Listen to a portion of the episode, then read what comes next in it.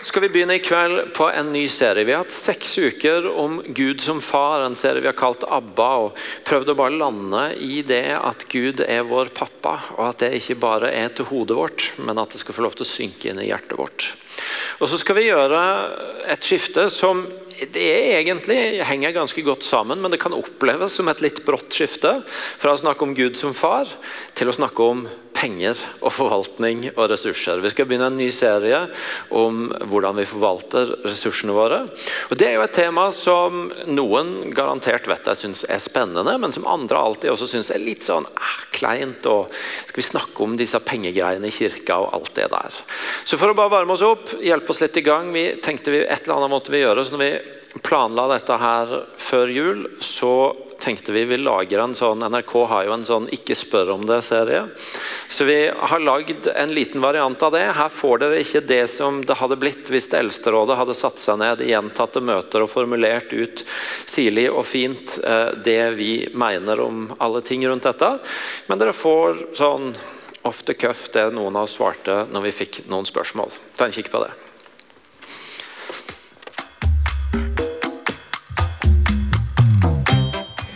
Hvorfor er det så mye snakk om penger i kirka? Egentlig, når du tenker på hvor stor del av hverdagen vår penger er, så syns jeg vi snakker ganske lite om penger. Men fordi at det er litt nærgående, og i norsk kontekst i hvert fall litt uvanlig, kanskje, så tror jeg det føles som veldig mye hver gang vi snakker om det. Mm. Men eh, eh, jeg tror at penger er en stor del av livet vårt, og potensielt kan være en stor kraft til det gode og til det onde. Og Derfor, hvis eh, vi mener alvor av at vi vil gjøre verdifulle mennesker til bevisste etterfølgere av Kristus, så er vi nødt til å snakke om penger også. Og så eh, er det sånn at Jesus snakker jo veldig mye om penger. Så da tenker jeg hvis vi skal gjøre som Jesus, så må vi kanskje snakke om penger òg. Jeg mener at det er en god økonomi å gi tiende. Fordi at på den måten så gir jeg kontrollen over min økonomi over på Gud. Og samtidig så gjør jeg òg materialismen mindre makt over meg. Har du noen gang tenkt på at det er ganske sykt å gi tiende? Ja, jeg har tenkt for at etter hvert som en tjener mer penger, ja. så uh, blir jo beløpet ganske stort. Ja. Så uh, uh, jeg kunne brukt de der pengene på ganske masse kule ting, da. Men eh, jeg har tenkt på det. Ja. Tove, vi har snakka om det med 10% i tiende. Eh, hvorfor 10% Hvorfor ikke mer? Hvor langt kan det gå? Åh, hvor langt du kan gå? Jeg vet ikke. Det handler vel om hva du kjenner du klarer. Jeg vet jo at folk øker kanskje 1% i året. Jeg har jo lyst til å gjøre det jeg òg en gang, men uh, foreløpig så er det liksom bare litt sånn robotkjøring på 10% Kanskje litt teit, men det er vel sånn det er. Hva er det som gjør deg spesielt rustet til å forvalte andres penger? Hvor mye har du studert økonomi? Nei, eh, I utgangspunktet er jeg jo ikke en økonom. Eh, og eh, spørsmålet er godt. Eh, jeg tenker at heldigvis så eh, har vi folk som kan penger i denne kirka, som gjør hands on daglig jobb. Eh, men jeg tror at med ledelse så følger det å forvalte ressurser. Og hvis jeg er satt til å lede, så er jeg nødt til å ta det ansvaret òg. Eh, er jeg spesielt utrusta til det? Vet ikke. Men jeg har fått jobben med å gjøre det. Og heldigvis så står du ikke alene er et team som både som du sa, jobber med, med penger, men òg et team som med styre og sånne ting, som setter seg inn i økonomi og gir tilbakemelding og innspill på hvordan det kan forvaltes på en god måte. Som er jo veldig dyktige folk, mm. som vi har masse tillit til. Ja, det burde jeg sagt. Jeg er altfor mye opptatt av meg sjøl. Hvem bør bestemme hvordan pengene bør forvaltes i menigheten? Det er vel eh, lederskapet, tenker jeg, som skal bestemme det. Så mm, vi som gir, vi gir, og da overlater vi ansvaret til ja, de som leder. Hvis du har fått en million der, hvorfor har ikke du tenkt at du skal gi den til Bodø-Glimt? De trenger jo også penger. Altså, Jeg heier jo litt på Bodø-Glimt siden de var en sånn yes. underdog. Men jeg tenker, du vet, når du kommer så høyt opp, så får du så mye ekstra. vet du. Det er jo litt pluss. Altså, Viking ligger jo for 24.-plassen en gang, og kanskje, og da får vi ingenting. Kanskje vi skal gi penger til Viking? Ja, tenker jeg.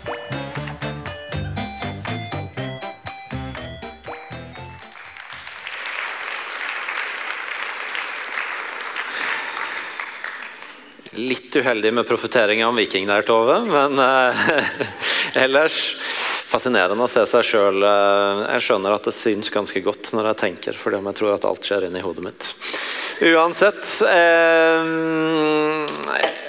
en liten eh, intro. Jeg skal begynne et litt annet sted med å snakke om dette fokuset. Eh, Forrige uke så var jeg i England, og mens jeg sitter der, så tikker det inn en melding fra min mor, som sikkert har fanga opp et eller annet sosialt medium at jeg var i England, og bare skriver 'Jeg syns ikke noe om at du er i utlandet i disse tider'. Um, og så um, uh, måtte jeg tenke meg om uh, tenker du på nå? Spør tilbake, ja, Tenker du på pandemien eller krigen? Eller? Så liksom går det sånn ti sekunder. Krigen! Utropstegn. Eh, og så ja, så er det jo lett å litt sånn humre litt. og ja, ja, jeg tror det går greit, mamma. Jeg skal nok komme meg hjem. Det var sikkert ikke bedre at jeg dro til Finland denne uka. Men, eh, eh, men så tenkte jeg litt på det etterpå. Da, at det er litt sånn interessant. Mamma som er født i 1939, har på en måte vokst opp med etterdønningen av krigen og har et mye nærere forhold til konsekvensen av krig og hvordan krig forma og prega masse ting. Mens jeg som egentlig, hvis jeg skal være ærlig, bare har vokst opp med at uh, levekår og det meste sånn i virkeligheten min har bare blitt bedre og bedre og bedre.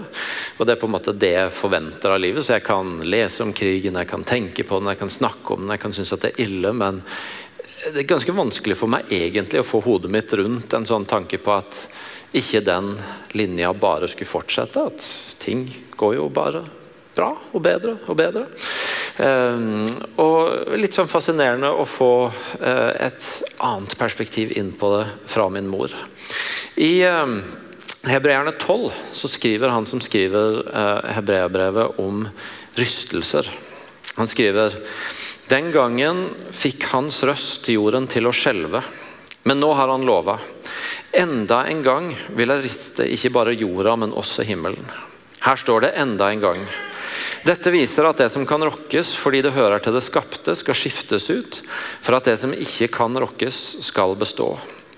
Derfor, siden vi får et urokkelig rike, så la oss være takknemlige og med takk gjøre vår tjeneste i Guds frykt og ærefrykt, til glede for Gud. Han som skriver, snakker om rystelser. Han snakker om at verden rystes, og så snakker han om at det som da skjer, er at det er noe som, når det bare rister sterkt nok, som ikke står seg. Som faller bort, som uh, skiftes ut. Uh, og så er det noe som ikke kan rokkes, som er urokkelig, som består. En rystelse som på mange måter avdekker hva er det som er holdbart, hva er det som står seg. Og hva er det som ikke tåler så godt når virkeligheten vi lever i, blir rista i? Og jeg tenker at Vi må kunne si at på et sånt overordna plan så lever vi i en tid hvor den verden vi er i, rystes. Hvor det skjer en rystelse i vår verden. Vi har vært igjennom to år med pandemi som, hvor ganske fort det som var helt utenkelig før, i hvert fall for de aller fleste Ja, noen hadde sagt noe om at dette kunne komme til å skje en gang. Men jeg tror for de aller fleste av oss, mange av de tingene som ble virkelig, som ble hverdag, som greip inn i livet vårt på mange forskjellige måter, var ting vi ikke hadde tenkt på at skulle skje. Og som rysta på mange ulike vis. Alt fra helse til økonomi til, til ulike ting. Til, til den individuelle friheten osv. Og så, idet vi i vår del av verden på vei ut av pandemi, samtidig den lever videre andre steder i verden, så kommer denne krigen i Ukraina som eh, det bare ser ut som at ved siden av den brutaliteten og det som er vondt der, stiller jeg masse spørsmålstegn ved hva betyr dette for resten av verden? Hva betyr dette for kontinentet vi lever på? Hva betyr dette for framtida som ligger foran oss? Og jeg skal ikke stå her og prøve meg på noen analyser av det å være sånn eh, samfunnsanalytiker. Og jeg skal heller ikke stå her og være sånn eh, profet som eh, sender ut et eller annet. Men jeg bare tenker at det er ganske åpenbart at det er en tid hvor den verden vi lever i på ulike måter rystes. Hvor det er litt uklart for oss hva er det som blir stående, og hva er det som blir forandra. Det er uklart for oss. Hvordan vil dette prege oss framover? Hvor sterkt vil det prege oss? Hva gjør dette med oss i det lange løp? Og På et individuelt plan så har vi sikkert opplevd de rystelsene på litt forskjellige måter. og Det har kommet nært oss eller ikke fullt så nært oss på litt ulike vis. Noen har kanskje vært i kontakt med den helsemessige biten. Sykdom har ramma, smitte, et eller annet rundt det som, uh, som har kunnet riste. For noen så er det frykten som har rista. For noen så er det økonomien. Det er helt klart folk i vår menighet også, som har opplevd å miste jobb eller få endringer i sin jobbhverdag, sin økonomi, pga. det som har skjedd. Um, og så videre. Jeg kunne, kunne, sikkert nevnt andre ting. Isolasjon åpenbart et annet sånt eksempel.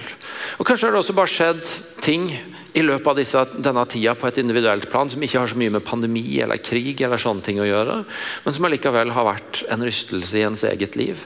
Sykdom, konflikt, eh, endringer på ulike vis som har kunnet innebære rystelse mer på et individuelt plan.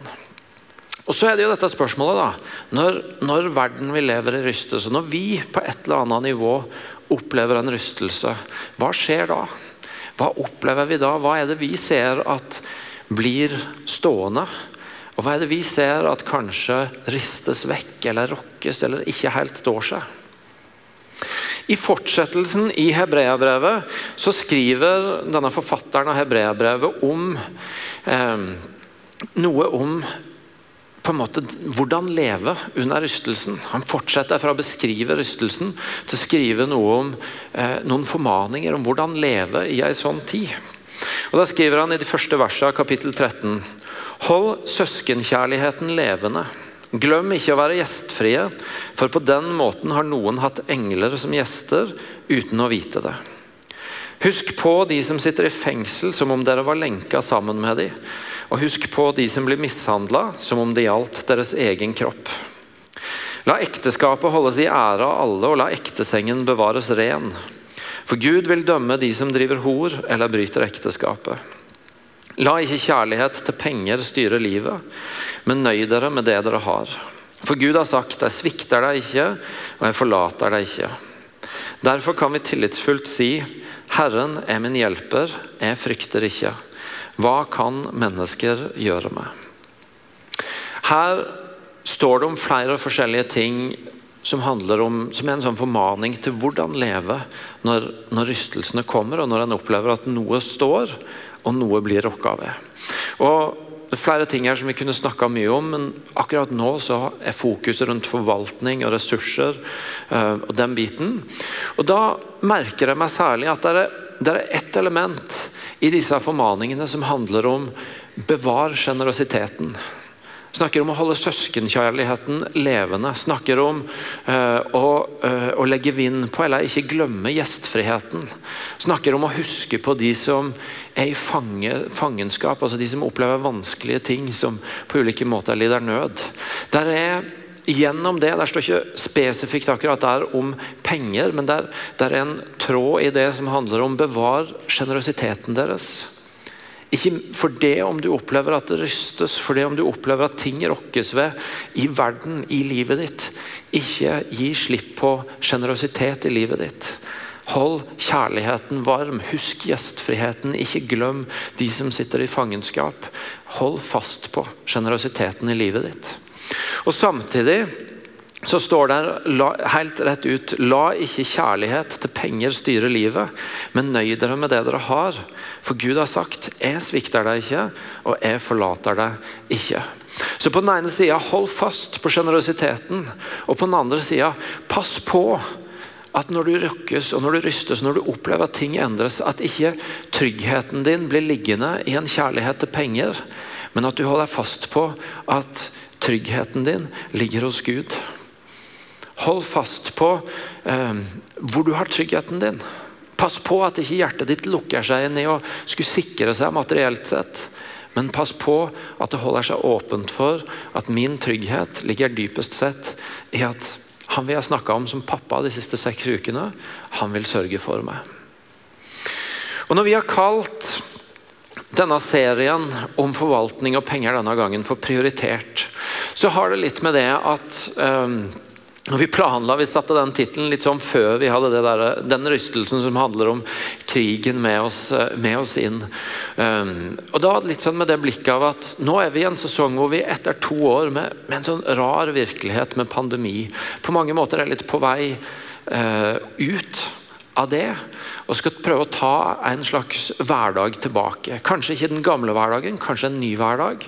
Og så blir det et spørsmål om hvordan vil vi at den skal se ut? Hva er prioritert for oss i den hverdagen vi skal sette nå? Jeg har under pandemien hørt flere av oss snakke om flere ting som når vi plutselig ble satt på en sånn På engelsk så har, man, har noen kalt det for en forced sabbatical. Um, at Du liksom, du ble på tvungen retreat hjemme. og så vet jeg at Noen av dere tenker det var ikke mye retreat, det var ganske tungt og slitsomt. Men på mange måter du ble, uh, det var mange ting du brukte å fylle livet ditt med, som ble satt på hold. Og så har jeg hørt mange si sånne ting som at å, jeg skal aldri tilbake til det tempoet jeg levde i før pandemien. Jeg har lært noe om hva det vil si å ha mer tid, mer luft, mer rom i livet. Jeg skal ikke tilbake der jeg var før. Jeg har hørt andre si at oi, dette har lært meg noe om verdien av relasjoner. Det har lært meg noe om hvilke relasjoner som var viktige i livet mitt. Det vil jeg ta med meg videre. Og så må jeg også innrømme at jeg har hørt en god del av oss sist høst når det åpna, og etter at det var stengt litt igjen når det åpna nå i høst, fått inntrykk av at det er ganske mange som har kjent på at oi, jøye meg, der, der, var vi igjen, igjen, i gang igjen, gitt. Og Der rulla hjula ganske fort igjen. og Der var en del av de tinga som jeg tenkte at sånn skal det ikke bli etter pandemien. Der var karusellen ganske godt i gang igjen allikevel. Og Så utfordres vi på at det er ikke en selvfølge at de tingene som vi tenker er eh, prioritert, som vi tenkte at skulle være prioritert i livet vårt, som er det som bare automatisk blir det. Vi utfordres på hvilke valg vil vi ta? Hva vil vi sette som viktig? Hvordan vil vi bygge livet vårt sånn at det står seg i tida framover? Sånn at vi bygger ting inn i livet som står seg i møte med nye rystelser som kan komme. I møte med en virkelighet vi ikke ennå helt vet hvordan ser ut. Hvilke prioriteringer gjør vi, hvilke elementer putter vi inn, sånn at vi prioriterer og bygger noe som er bærekraftig, noe som står seg, noe som tåler en rystelse også i framtida. Det kan ha med tida vår, det kan ha med andre prioriteringer å gjøre. og Akkurat i disse ukene så skal vi også snakke om hvordan, hvordan bygger vi et forhold til ressursene våre, til pengene våre, til det vi forvalter, som, som står seg som tåler en rystelse, som har bærekraft i seg. En, en, en prioritet på det som, eh, som både eh, er bærekraftig, og som tåler en trøkk. Og Det er på mange måter noe av inngangen til at vi har kalt det prioritet. Hvem vil du være? Hva slags liv vil du bygge? Hva kaller Jesus deg til å bygge? Med hele livet ditt, helt spesifikt akkurat nå, med måten du forvalter ressursene dine på. Og da er det sånn at I Bibelen så er det noen ting om det med penger og prioritet. Et veldig viktig vers som er ganske kjent, det er at det står, Jesus sier at der skatten din er, der vil hjertet ditt være. Det sier ganske mye om forholdet mellom prioriteringer og hva slags liv vi bygger. Der skatten din er, der vil hjertet ditt være. Jesus sier at der vi velger å putte ressursene våre, vi, det vi gir verdi til, det vi velger å bygge som, der har jeg mine verdier. Der vil også hjertet vårt fylle etter. Og Det betyr jo da f.eks. at ref, det han sa om å ikke la kjærlighet til penger styre livet. At, at, at hvis jeg putter verdien min i å bygge opp mest mulig rikdom til meg sjøl, og det blir mitt fokus, at jeg skal ha mye, at jeg skal være rik, at jeg skal ha mest mulig, ja, så følger jeg jo hjertet mitt etter. da. Og så blir tryggheten min der. Det er en sammenheng mellom hvor verdien min er, hvor skatten min er, og hvor hjertet mitt følger etter. Og Et av de kanskje røffeste versene fra Jesus om dette, det er når han snakker i lignelser om Guds rike. Og Han sier i Matteus 13 fra vers 44 at himmelriket er lik en skatt som var gjemt i en åker. En mann fant den, dekka den til igjen, og i sin glede gikk han bort og solgte alt han eide, og kjøpte åkeren. Himmelriket er også likt en kjøpmann som lette etter fine perler. Da fant han en særlig verdifull perle. Eh, da, da han fant en særlig verdifull perle, gikk han bort og solgte alt han eide, og kjøpte den. Berolige deg med en gang. Jeg er ikke her for å si at du bør selge alt du eier og gi til kirka. Men det er noe med de versene som er ganske radikale. For det Jesus sier, det at eh, Guds rike han sier Guds rike er som en perle. Som det er verdt å selge alt det andre du har, for å være sikker på at tryggheten din ligger i hans rike. Og Det er jo ganske radikalt om prioritering. da. Det er et ganske radikalt ord om hvor utfordres du på å plassere skatten din sånn at hjertet ditt følger etter. Om så er nødvendig, legg alt i den potten, sånn at du er sikker på at tryggheten din ligger hos han, og ikke i din egen rikdom eller det du sjøl sørger for. Utfordring på prioritering. Og så er det jo sånn at Bibelen rent praktisk da, egentlig sier noen ting som er ganske nyttige om prioritering. Hvis det er sånn at Jesus utfordrer oss på hvordan vi prioriterer ressursene våre, ikke fordi han er ute etter pengene våre, men fordi han er ute etter hjertet vårt.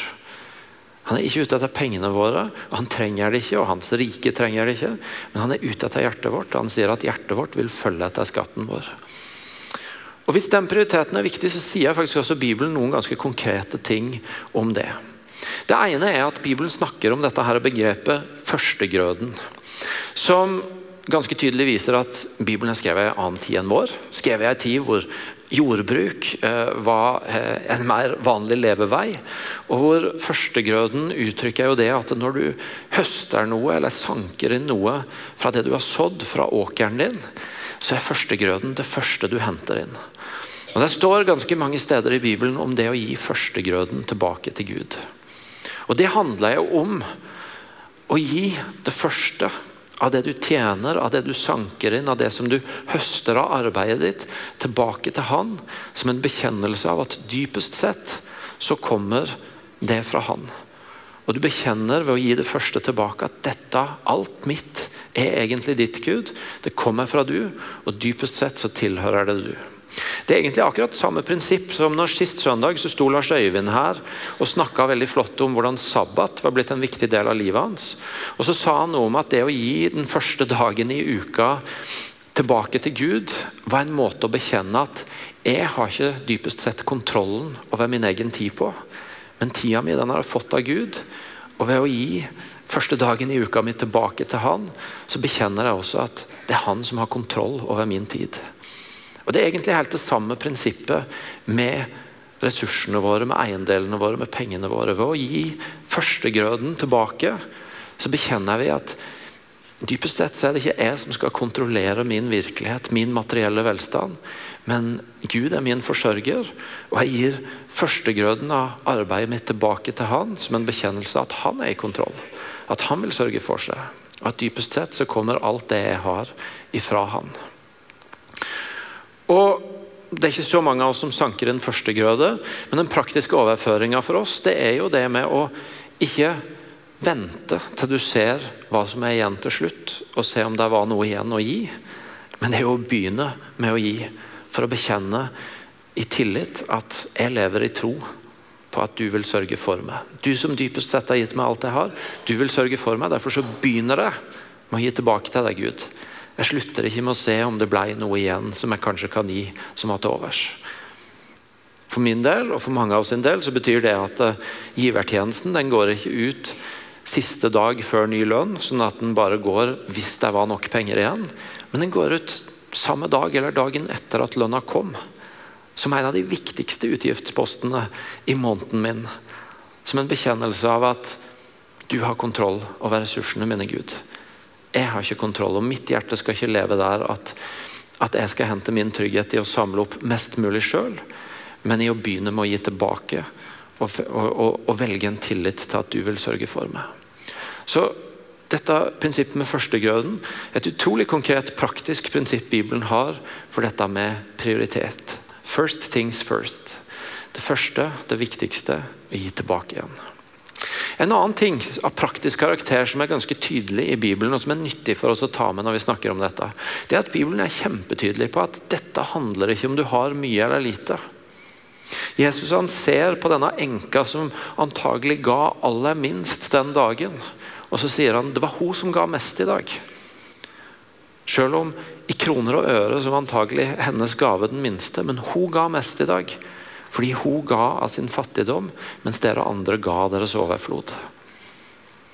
Paulus han skriver jeg er trent i å ha eller jeg er prøvd i både i å ha lite og i å ha mye. Og i begge deler så har jeg levd godt. Det er egne utfordringer med å ha det knapt, med å ha lite, med å være bekymra for økonomi. Og det er andre utfordringer for en Jesus-etterfølger med å ha mye og bli satt over mye å forvalte. Og så sier Paulus at i begge deler har jeg blitt prøvd, og i begge deler har jeg levd godt. Du kan leve sjenerøst og i tillit til Gud med lite. Og du kan leve sjenerøst og i tillit til Gud med mye.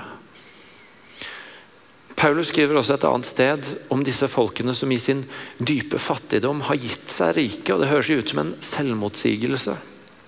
Men det sier jo igjen noe om at det handler ikke om du har mye eller lite. Men du kan leve rikt. Du kan leve raust, sjenerøst. Enten du har lite eller mye.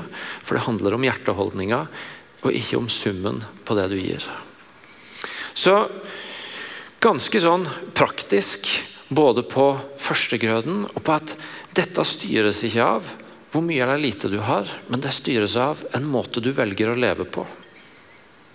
En utfordring på å leve sjenerøst med det du har. Enten det er lite eller mye, og en utfordring på å leve i tillit til Gud. Enten det er lite eller mye. Og så har jeg lyst til å si til dere Når vi åpner denne serien i år, som, til oss som og Kanskje er du her på besøk, men til dere som er IMI-folk.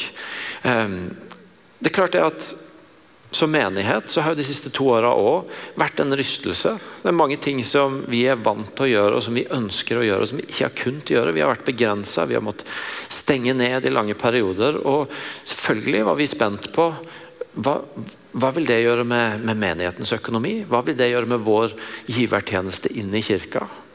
Og det har jeg lyst til å si til dere at jeg tenker at den rystelsen, I den rystelsen så har kirka vår og Det er jo da ikke organisasjonen, men det er folka, det er dere. Stått utrolig støtt og godt. Givertjenesten har holdt seg helt stabil. En kunne jo være spent både i forhold til at ting eh, at det skjer mindre her, at vi møter sjeldnere, at en kjenner seg på distanse, men også at folk har andre økonomiske utfordringer, mister jobber. og Det var mange grunner til å tenke at kanskje vil dette ramme givertjenesten vår ganske hardt. Men givertjenesten har faktisk stått helt stabilt gjennom hele de to åra. Og i fjor så ga dere 10,3 millioner i fast givertjeneste. Det kan være greit for dere å vite hvis dere eh, er litt nye på huset, at måten vi er rigga på er jo sånn at det er den faste givertjenesten som driver kirka her i Stavanger. Kollektene vi gir ut, det gir vi enten til arbeid vi er involvert i andre steder, eller til ting helt utenfor vår virksomhet som vi velger å velsigne. Sånn at det, det er givertjenesten som på en måte styrer økonomien til kirka vår her i Stavanger. Og Den har stått støtt. Og I tillegg på kollektene så kan jeg si at når vi ikke har fått mulighet til å være sammen, så har kollektene vært ganske mye lavere. og Det tror jeg har en god del med at ganske mange av dere har vært litt digitalt trøtte. Så jeg er litt usikker på hvor mange av dere som orka å se kollekttallene våre online. Men eh, til gjengjeld, når vi kom sammen igjen, så har dere gitt kjemperaust. og faktisk sånn at når vi kom sammen igjen i høst, så ble en, som, en, god del av det som var tapt når vi ikke var sammen, det ble henta inn igjen fordi dere ga ekstra sjenerøst på kollektene. Og Bare forrige helg så ga dere over 100 000 i løpet av tre dager til ulike flotte formål. Så Det er en fantastisk sjenerøs gjeng, og som fellesskap så har eh, så har dere stått utrolig støtt i den rystelsen som det også har vært for kirka vår. og Det har jeg bare lyst til å si tusen takk for. Så Vi kommer ikke til denne serien med en sånn pekefinger av at nå må vi jammen meg skjerpe oss, for dette nå har vi falt bakpå. Vi kommer egentlig med en dyp takknemlighet for hvordan deres raushet og sjenerøsitet har stått gjennom ei sånn annerledes tid som det det har. Og så er det jo samtidig sånn, da, for å jeg vet at noen av dere syns det er kjekt å vite litt om hva er bildet. At det er klart det at uh, eh, økonomien vår utvikler seg jo hvert år gjennom at vi har giverreaksjoner, at vi får inn nye givere, og at de av oss som får justert lønna vår, justerer givertjenesten opp. Og det er klart det at Når den ligger flatt i to år, så betyr det allikevel at vi henger litt etter. Og så er det allikevel veldig mye bedre enn det vi kunne frykte. Men det betyr at vi utfordres også på å ta et tak sammen nå for å kunne satse videre og gjøre nye ting. Begynne å slutte, som vi sier her på huset. Dypest sett så handler dette her ikke om eh, vår menighets økonomi, eller om Guds økonomi eller Guds rikes økonomi, men det handler om disippelskap. En del av det å følge Jesus og være kalt til å følge Jesus, det handler om hvordan vi forvalter ressursene våre, og det handler om hjertet vårt. På den ene sida om sjenerøsitet, og på den andre sida om hvor vi har vår trygghet. Og Vi har lyst til å utfordre hverandre på å ta en sånn statussjekk etter den tida som har vært. Hvor står du?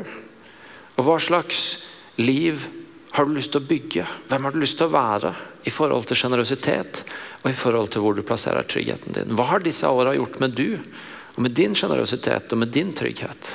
Er det noen justeringer du trenger å gjøre? Bruk denne tida til å reflektere over det, til å be inn i det, til å snakke om det rundt bordet i vennegjengen i huskirka. Og Bruk litt tid på prosesset. Hvor er min Jesus-etterfølgelse eh, i forhold til det med forvaltning, med sjenerøsitet og med trygghet? Og så er det samtidig alltid sånn at Når vi formidler dette, så handler det grunnleggende om disippelskap. Og så har vi samtidig eh, så, er, det samtidig menighetens fastgiveraksjon. Hvor vi som er en del av kirka, utfordrer hverandre på å spørre er det tid for å justere givertjenesten min? Har noe i min økonomi endra seg, sånn at det er tid for meg til å vurdere skal jeg gi mer? Det kan også ha skjedd ting som gjør at du ser at det er nødvendig for en tid å gi mindre. og Det, det kan også være helt legitimt, men, eh, kanskje, men hvis lønnen har økt eller ting har skjedd som gjør at er det tid for å ta et nytt steg, så kan dette være god tid for å vurdere det. Er du en del av kirka, har kanskje tenkt at jo, jo, jeg gir jo i kollekt og litt sånt, men du ikke har fastgivertjeneste, er dette din tid for å komme i gang med det og for å være med å bære menigheten økonomisk. Og Da kan du gjøre det veldig enkelt å gå inn på imikirken.no slash gi, og så ligger alt du trenger der for å både justere givertjenesten din og for å begynne givertjeneste hvis du skal begynne på nytt. I tillegg så vet jeg at eh, en fra økonomiavdelingen vår vil være tilgjengelig ute i kafeen etter gudstjenesten og kan hjelpe deg med datamaskinen der hvis du bare vil ha litt hjelp til å få ordna det her og nå. Som sagt, dette handler om prosess, det handler om å stille noen spørsmål om hvor du er. Og Vi har tre spørsmål som du kan ta hjemme rundt middagsbordet eller kveldsmatbordet, men ikke minst som dere også kan ta med dere inn i huskirkene. For det første, har du opplevd eller opplever rystelser i denne tida? For det andre, hva har rystelser lært deg om hva som blir stående, og hva som faller bort? Og for det tredje, Hvordan vil du bygge sjenerøsitet og et forhold til penger som står seg gjennom ulike rystelser og faser i livet? Tre spørsmål som du kan ta med inn i huskirka di, i relasjoner rundt måltidet, og på den måten være en del av prosessen. Ta gjerne bilde av det om du vil det. Men nå skal vi få reise oss opp og be litt før vi tilber Jesus sammen.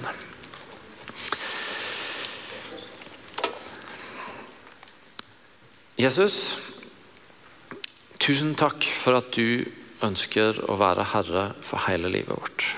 Og en god hyrde for hele livet vårt. Takk for at du vil lede oss til en sunn og god og bærekraftig forvaltning av ressursene våre. Jeg ber deg om at dette skal få være en tid hvor vi får lov til å snakke sant og frimodig om det du har gitt oss, og hvordan vi forvalter det. Jeg ber deg for de som har kjent i denne tida at de er blitt rysta. Kanskje også på det økonomiske.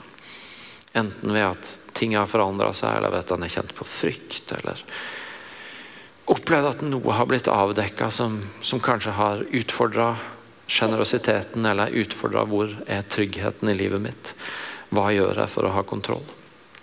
Og Da ber jeg bare om at dette skal få være en sånn nådefull tid av å kjenne at du inviterer til å ta nye steg i å feste vår lit til du, og i å leve raust og sjenerøst med det du har gitt oss. Jeg ber deg, Hellige Ånd, om at du jobber i hjertene til den hver enkelt av oss, og at du eh, taler til hver enkelt av oss. Både om hva dette betyr for oss, om hvordan det ser ut for oss å vokse i sjenerøsitet og i tillit til du. Vi inviterer deg, Hellige Ånd, til å være med oss her nå og i uka som kommer, og lede oss i disse spørsmålene.